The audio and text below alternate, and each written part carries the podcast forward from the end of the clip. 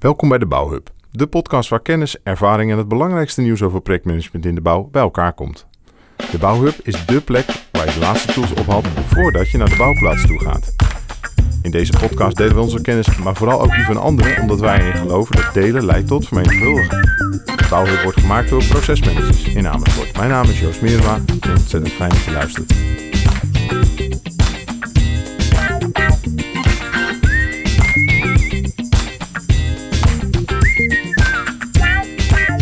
Vandaag gaan we het hebben over de energietransitie. Dankjewel uh, Mimi dat je bij ons uh, komt.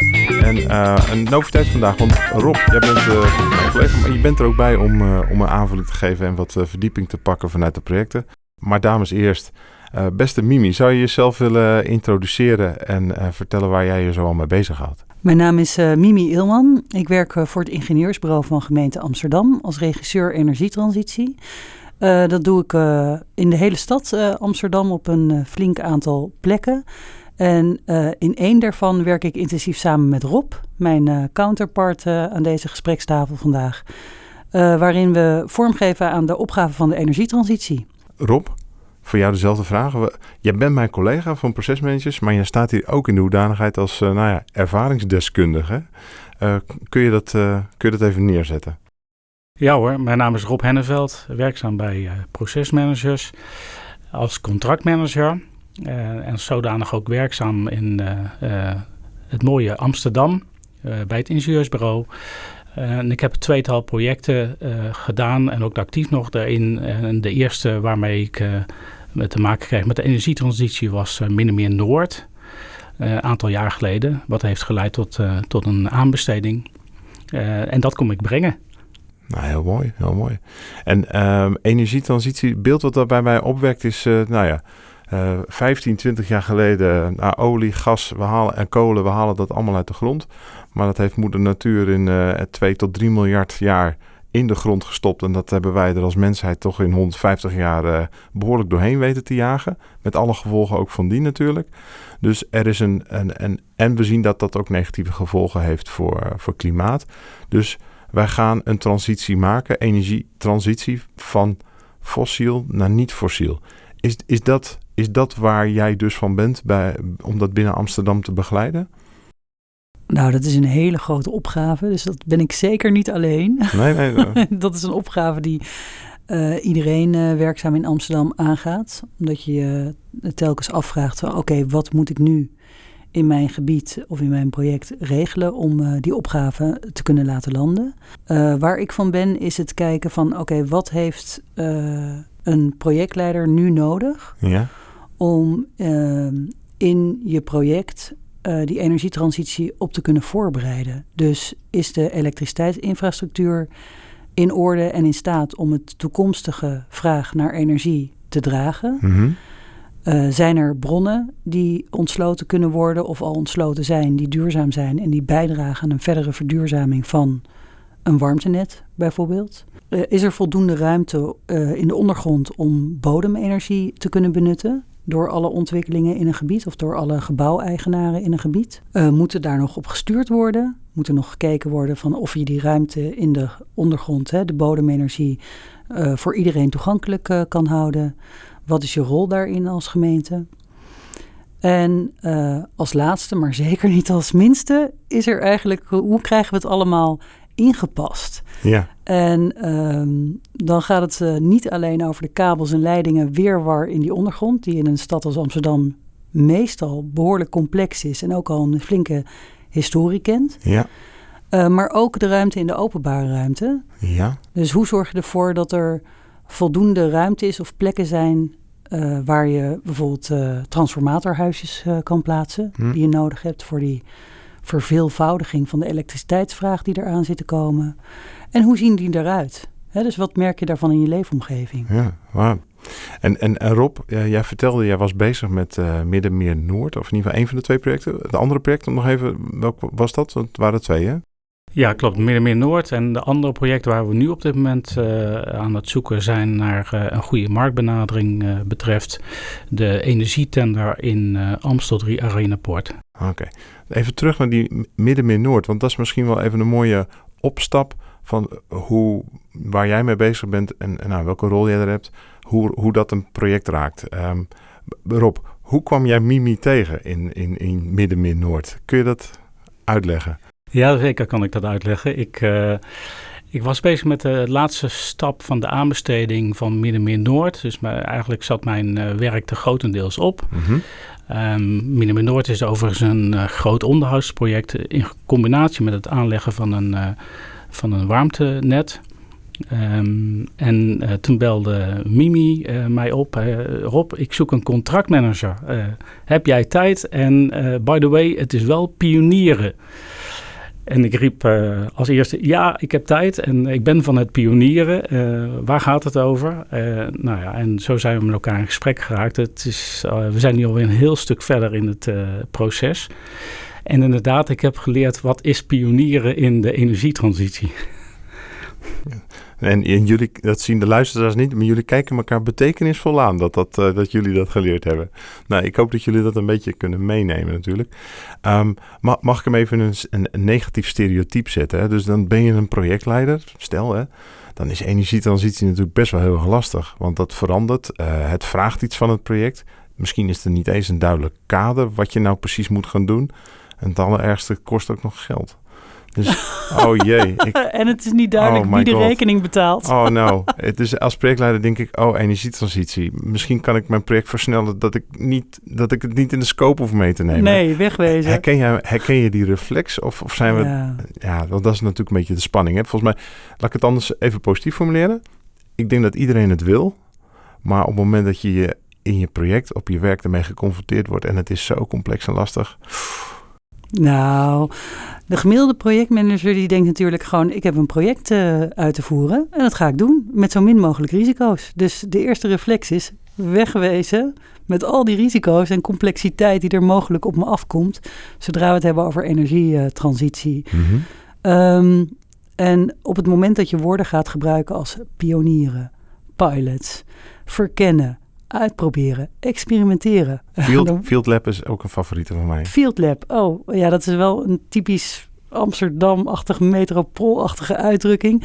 Maar die woorden die roepen allemaal de associatie op van... oh, het is spannend, het is nieuw, ja. het is iets anders. Uh, we hebben nog weinig ervaring. Dus de gemiddelde projectmanager denkt... wegwezen, risico voor mijn project. Ja. Um, dat gezegd hebbende, uh, denk ik dat we even terug moeten kijken naar wat doet een projectmanager. Die zorgt er gewoon voor dat er een project gerealiseerd wordt. Mm -hmm. uh, die energietransitieopgave, die komt op je af. Die is niet meer weg te denken. Voor de nieuwbouw bestaat er een wettelijke verplichting. Voor de bestaande bouw nog niet. Maar de ambities zijn zo hoog en de klimaatverandering die wordt steeds urgenter uh, gevoeld door de maatschappij. Dat hij landt in je project. Um, verstoppen heeft geen zin. Verstoppen heeft geen zin. Het is een zekerheid. En als hij dan toch landt, nou, dan kan je maar beter er klaar voor zijn om te ontdekken: oké, wat betekent dat dan? Mm -hmm. um, en er zijn heel veel mensen die er uh, ingewikkeld over doen. Inderdaad, uh, het woord complex gebruiken, maar uiteindelijk is het niet zo heel erg complex. Mm -hmm. Als je even door de techniek heen bijt. Het komt er gewoon op neer dat je voldoende kabels en leidingen in de grond weet te stoppen, mhm. waarmee je die vermogensvraag kan opvangen. Ja. Uh, het is... Zodat je die switch kan maken eh, van, nou ja, wat olie en, en gas en, en, en, steenkool naar uh, duurzame ja. varianten van energie. Ja, we weten nu al dat in elk project dat je rekening moet houden met een verdrie tot vervijfvoudiging van je elektriciteitsvermogen aansluiting. Dat is een checkvraag. Nou, dan komt de volgende stap hè, van al die vermogens, die zijn niet zo eenvoudig te regelen meer. Je merkt dat uh, we echt wel vast aan het lopen zijn in Nederland met de manier waarop we het nu doen. Ja. Dus je ziet dat iedereen aan het zoeken is van hoe krijgen we het dan wel voor elkaar? En dat is eigenlijk de belangrijkste vraag die je continu moet gaan stellen. Hoe dan wel? En daarbij hou het zo simpel mogelijk. Want uiteindelijk is technisch gezien is alles mogelijk. Nog niet alles is in één keer duurzaam. We hebben echt transitiebrandstoffen nodig om die opgave voor elkaar te krijgen. En zeker nog lang niet alles is betaalbaar in de zin van dat het kan concurreren met de huidige bestaande fossiele bronnen. En wat is een voorbeeld van zo'n, uh, hoe noem je dat, een transitiebrandstof? Wat, wat, waar, waar denk je dan aan in een projectcontext?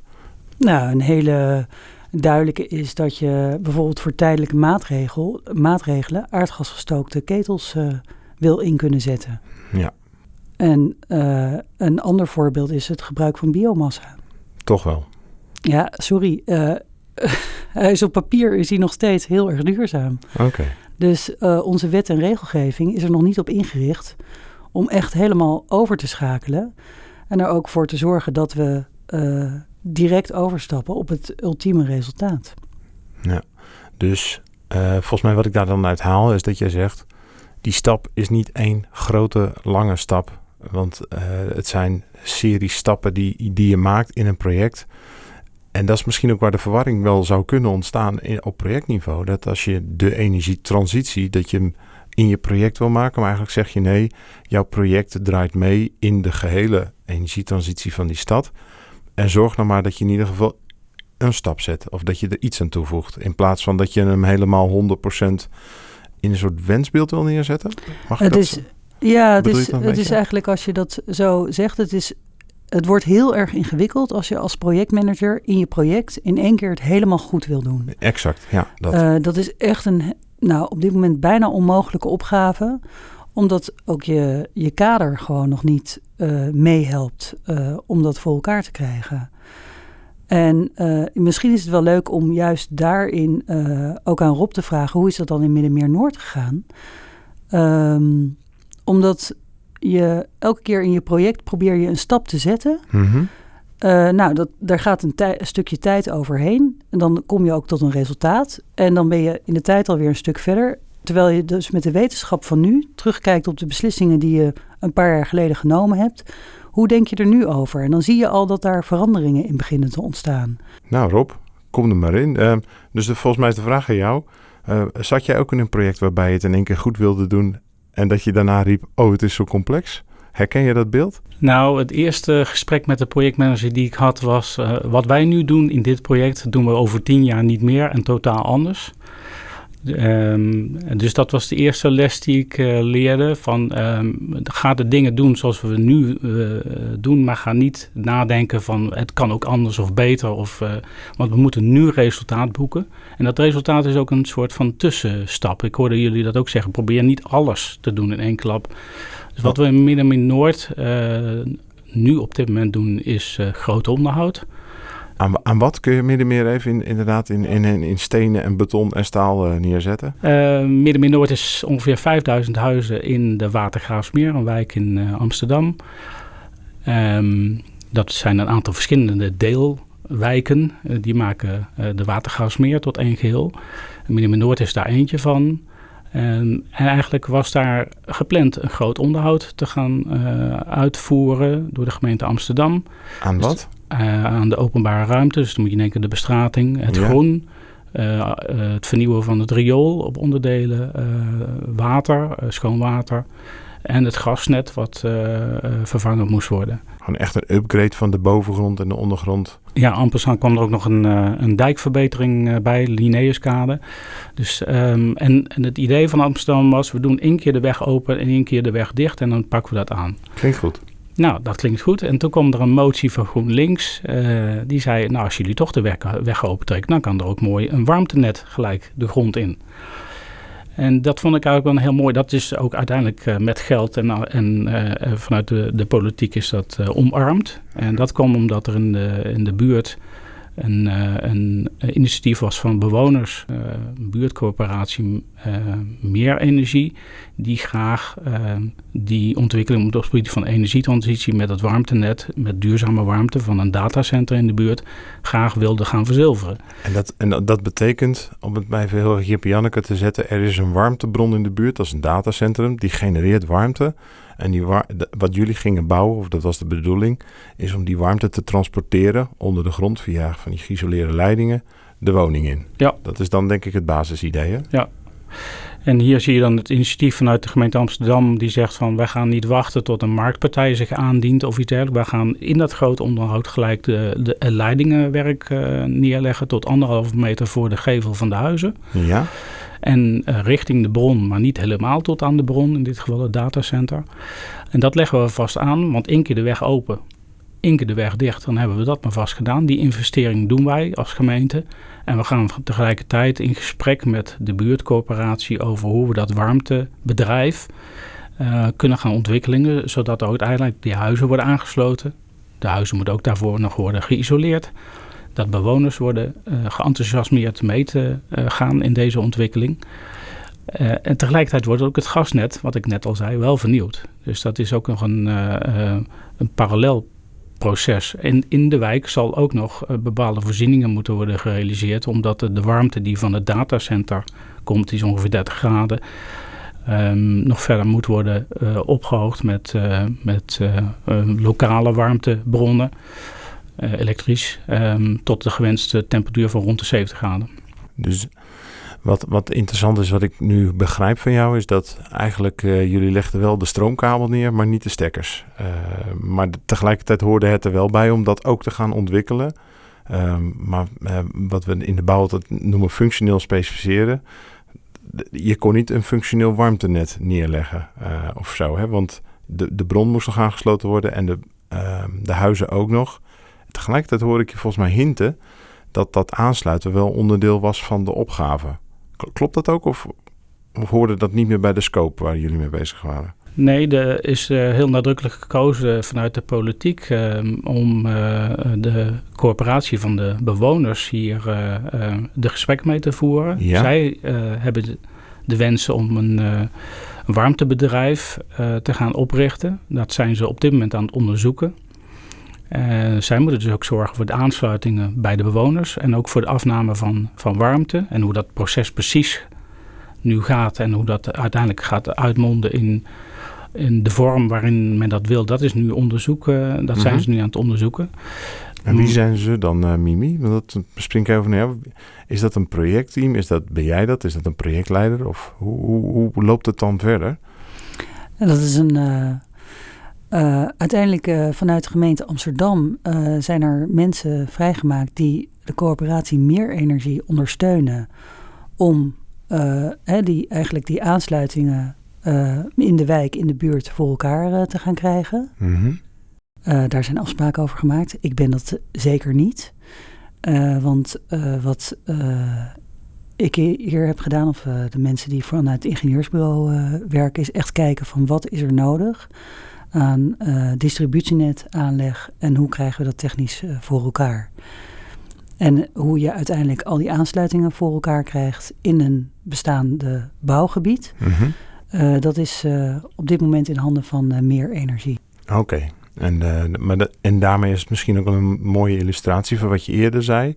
Probeer nou niet van A tot Z het in één keer te gaan realiseren, maar creëer nou ja, condities of pak een kans. De kans was in dit geval die ontwikkeling of die, die herontwikkeling van die, van die wijk. Ga daarin mee, leg infrastructuur aan, zodat een ander uh, en, en, en blijkbaar neem ook die kosten, die voorinvestering. Dus dan haal je al een soort onrendabele top in die investering haal je eruit als gemeente. Maar daarmee ontstaat ruimte voor nieuwe ontwikkelingen die uiteindelijk zouden moeten leiden en bijdragen aan die energietransitie? Ja, eigenlijk uh, wat je hierin ziet is dat je het niet zonder elkaar kan.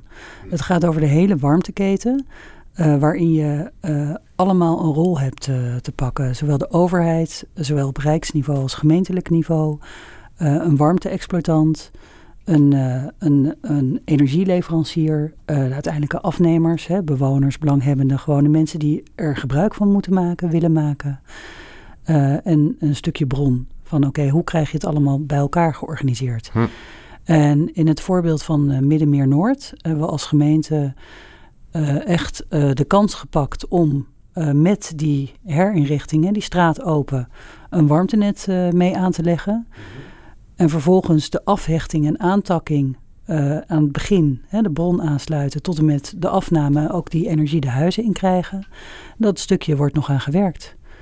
Mm -hmm. En dat moet je met elkaar doen. Je kan het niet zonder elkaar. Je dus hebt alle spelers nodig om dat te alle spelers nodig. En het is echt in dit geval ook uh, zoeken naar uh, hoe doen we het met elkaar. Dus het, het, vergt, het vraagt heel veel vertrouwen in elkaar, continue dialoog, een gesprek gaan met elkaar. Um, en dat is een uitdaging. Dat is echt een uitdaging. Is er ook niet iets eh, heel bijzonders in wat jullie hoor zeggen? Is dat het zijn meerdere spelers, meerdere verantwoordelijkheden. Kijk, klassiek probeer je altijd toch wel één, nou ja, zeg maar organisatie aan te wijzen als de probleemeigenaar of de, degene die eindverantwoordelijk is dat dit gebeurt. Het, in het voorbeeld zoals jullie hem beschrijven, denk ik wel van hé, hey, is die er eigenlijk wel? Want het een, de een legt een net aan en de ander gaat dan een coöperatie starten of daarbij ondersteunen. Begrijp je ook? Dus um, in projectentermen zoeken we altijd naar single point responsibility. Hè? Wie is ervan? Uh, werkt dat eigenlijk wel in de energietransitie, die manier van denken? Dat is eigenlijk de vraag die, die eronder ligt, die ik je zou willen stellen. Uh, of het werkt? Nou, het is hard werken. Ja. Het is uh, hard werken en uh, wat je altijd uh, probeert te doen, is ervoor te zorgen dat de besluiten en de verantwoordelijkheden zo helder mogelijk aangegeven zijn. Dus het ankerpunt voor ons werk elke dag is gewoon het bestuurlijke besluit. Daar zit hij. Heeft het college en de raad. Daar wordt richting gegeven. Absoluut, ja. Het politiek bestuurt de stad. Ja. Dus de keuzes en, hè, die uiteindelijk een invloed hebben, of die je werk kaderen, die worden gemaakt door de bestuurders. Hm. En zo landt het dan ook in een opdracht eigenlijk van het bestuur aan zo'n team. En het voorbeeld waar erop gaat, ga heen en ga daar dan in ieder geval die infrastructuur neerleggen. Rob, Jij zei net ook iets wat ik onthouden heb. Namelijk, uh, op dag 1 vertelde iemand jou: uh, we gaan het hier anders doen. En als we dan terugkijken, zeggen we: maar zo gaan we het niet nog een keer doen. Uh, en dat is oké. Dat, dat voegt hij er niet aan toe, maar dat is volgens mij de kern. Kun je een voorbeeld geven van zoiets wat je anders hebt gedaan met z'n allen, maar waarvan je nu zegt: dat heeft daar misschien wel gewerkt, maar we hebben er zoveel van geleerd. Dat zou ik een ander project, nou ja, die, die les willen meegeven. Goh, dat is een hele interessante vraag. Um, ik, wat ik zie, ik, ik heb daar niet een eenduidig antwoord op. Wat ik zie is dat we in de projecten proberen, die energie, de energietransitieprojecten proberen, dat uh, het probleem wat we willen oplossen, het, het, uh, de kans die we zien uh, te verzilveren.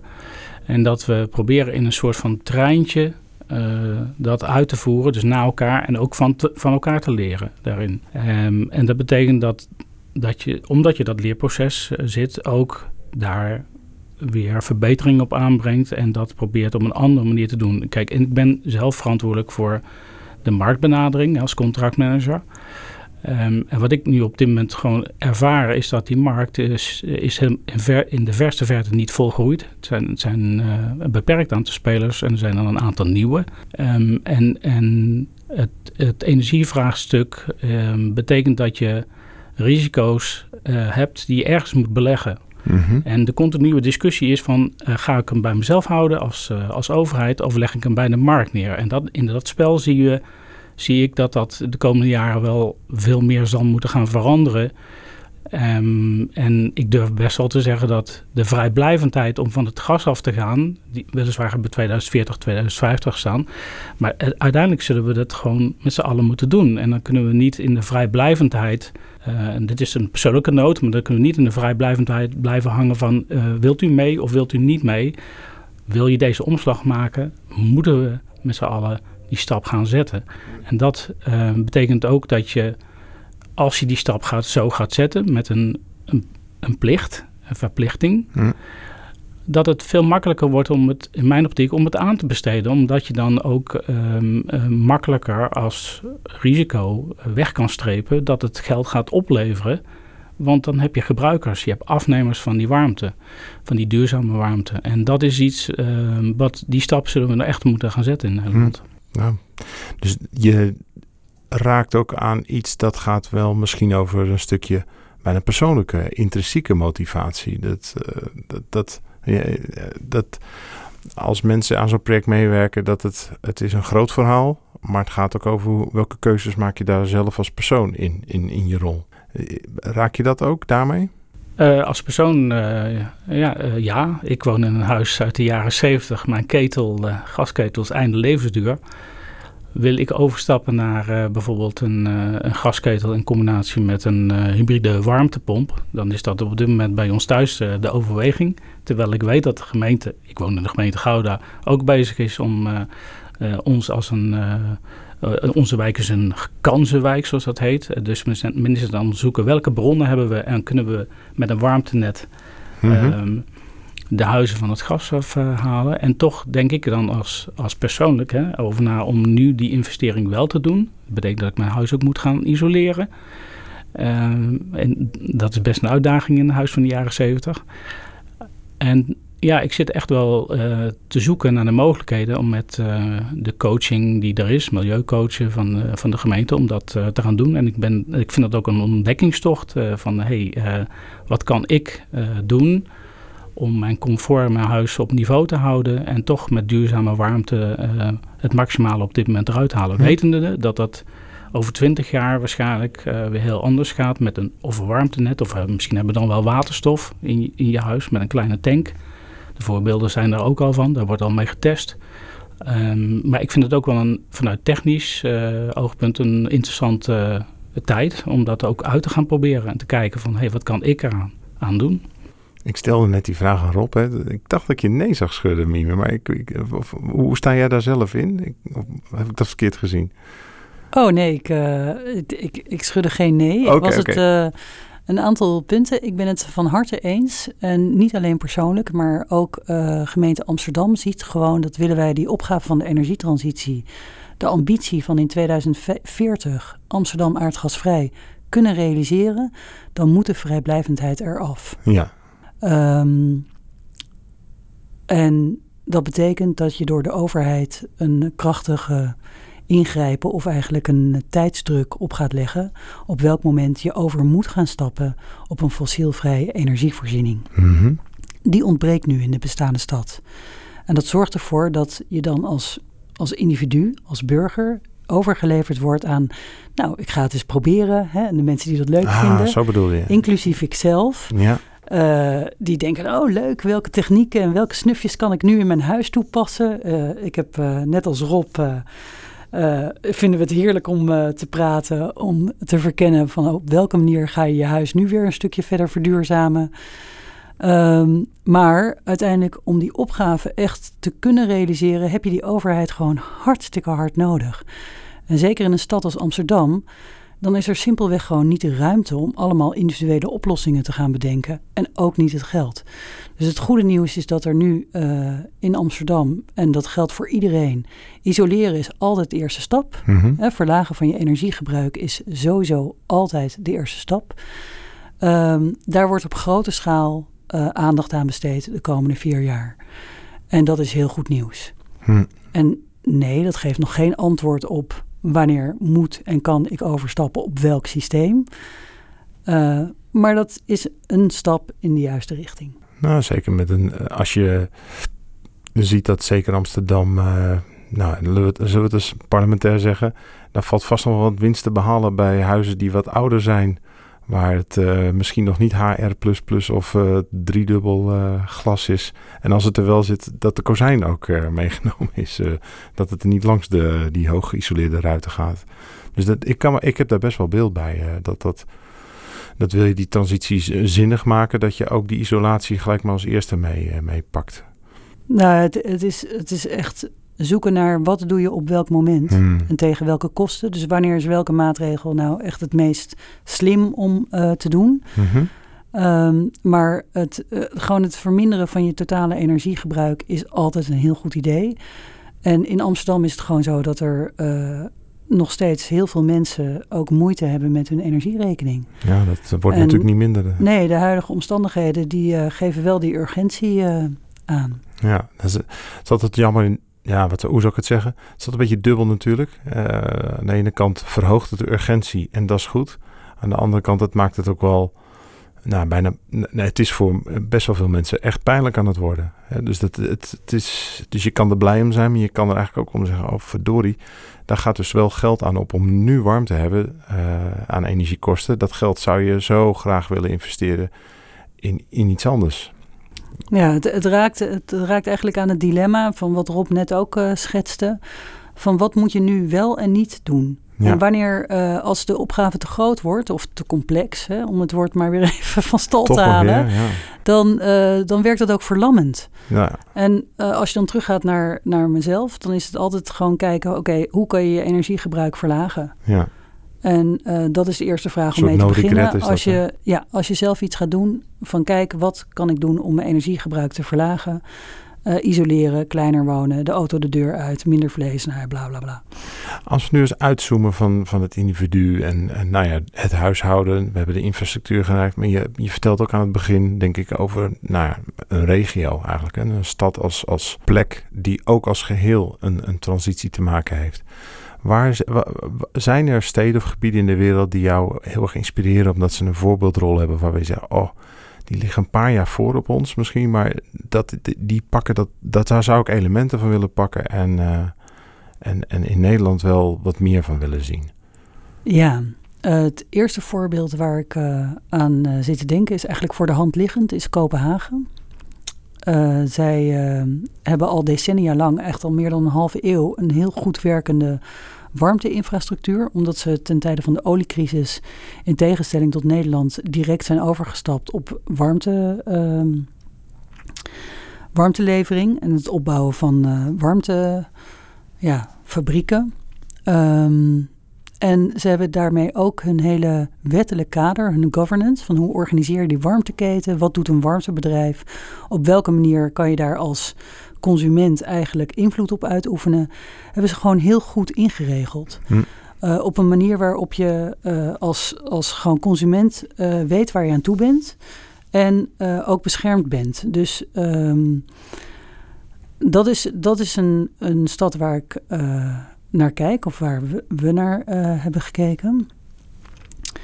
En uh, wat er inspirerend is aan Kopenhagen is dat zij hebben op een gegeven moment een, uh, een noodsignaal gekregen. Er was een uh, grote regenbui waarbij zoveel water viel dat de kelders onderliepen.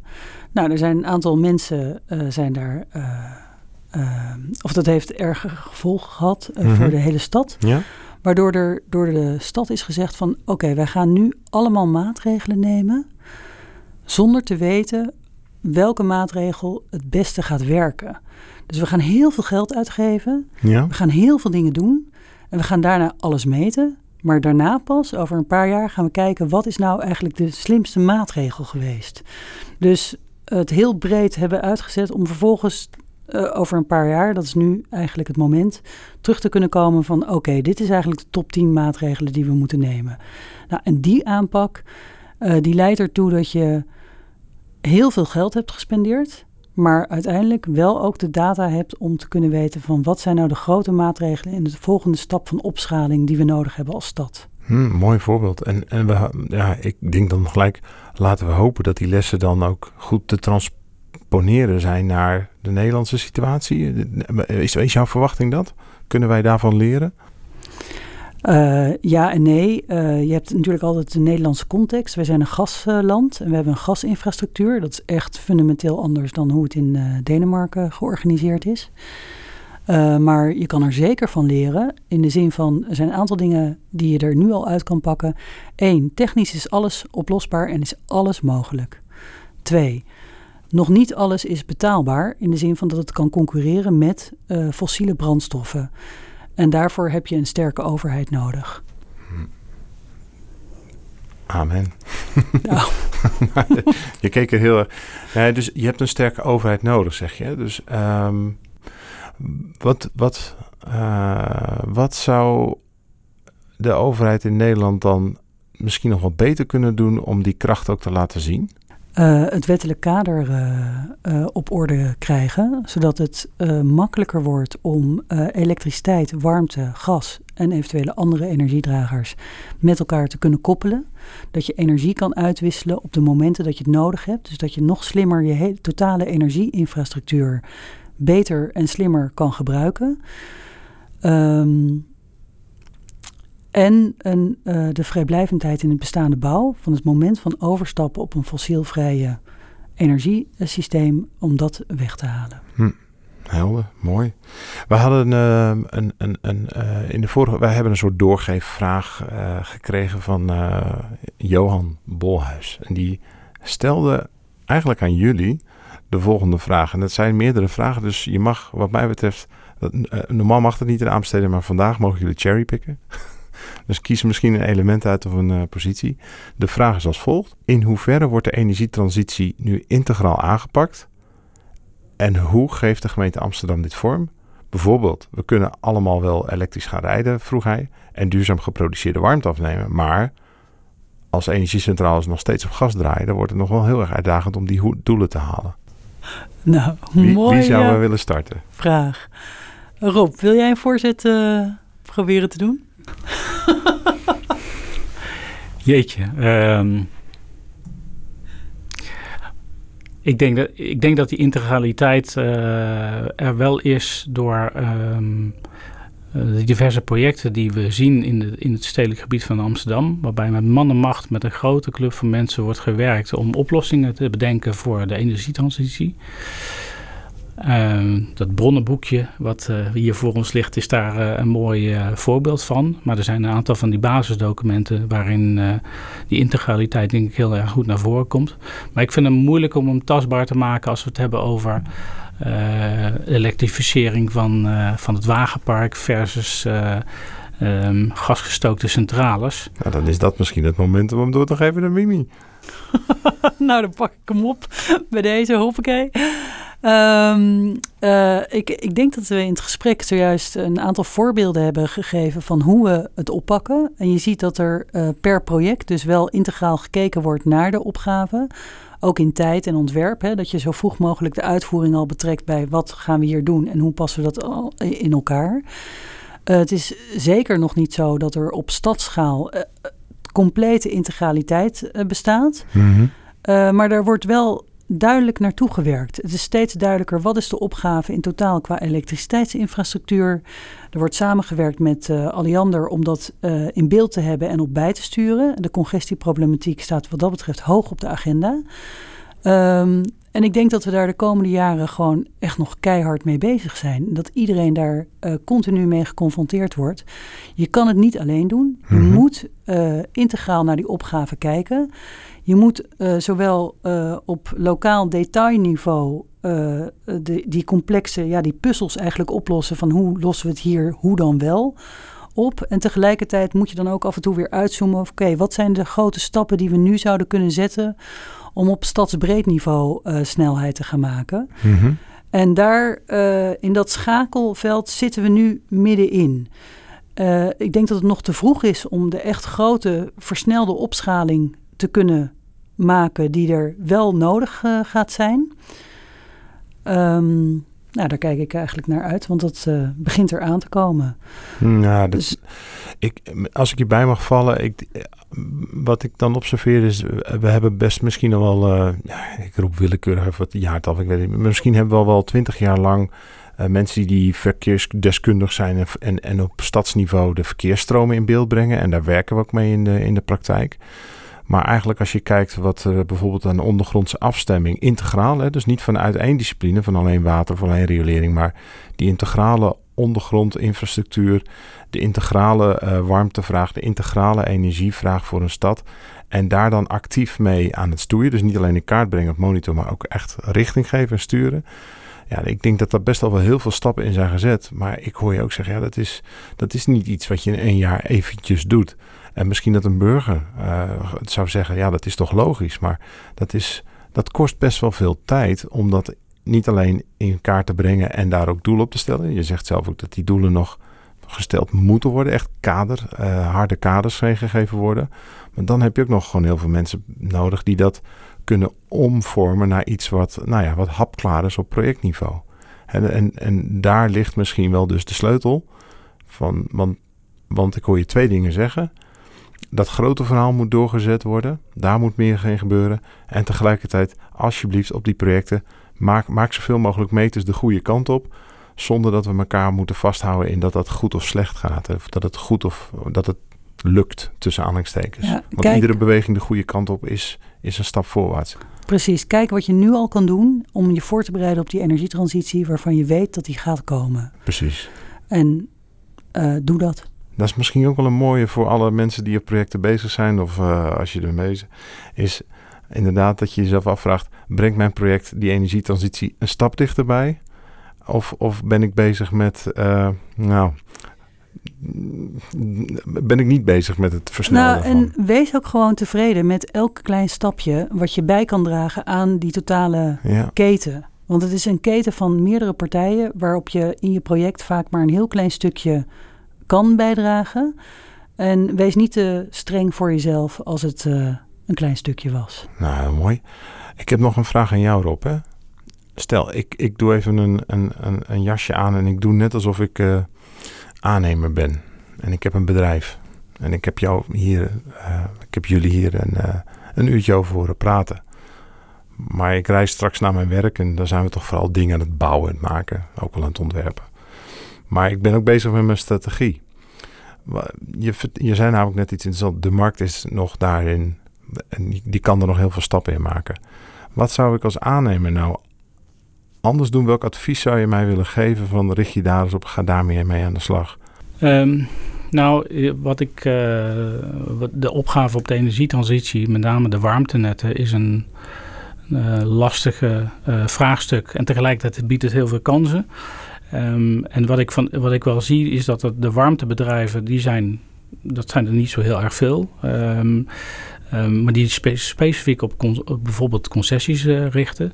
Ik denk dat het heel interessant kan zijn voor grote aannemersbedrijven, de bouwbedrijven zoals jij ze net noemt, om daar op in te stappen. Dus dat gaat wat verder dan de elektrificering van, uh, van je wagenpark. Uh, ook heel belangrijk trouwens, wat we in Amsterdam voortvarend wordt aangepakt en ook in andere steden. Maar um, juist die, uh, en ik, ik moet eigenlijk denken aan de DBFM-contracten die we een aantal jaar geleden uh, zijn intrede hebben gedaan. Is misschien niet een heel goed voorbeeld, maar toch uh, lijkt het wel op. Daar zit de F van finance in. En daar zag je bij aanbesteding van Rijkswaterstaat dat daar gewoon banken in meegingen die um, um, zo'n contract binnensleepten. Nou, je kan er een hoop van zeggen, want we zijn er inmiddels ook weer van aan het terugkomen bij de hele grote projecten met de risico's die daar mee gepaard gaan. Maar zo'n constructie zou ik uh, uh, ook in, op het gebied van de energietransitie enorm toejuichen. Waarbij grote aannemersbedrijven die weten hoe je het moet aanleggen, gecombineerd met hoe financier ik het, banken.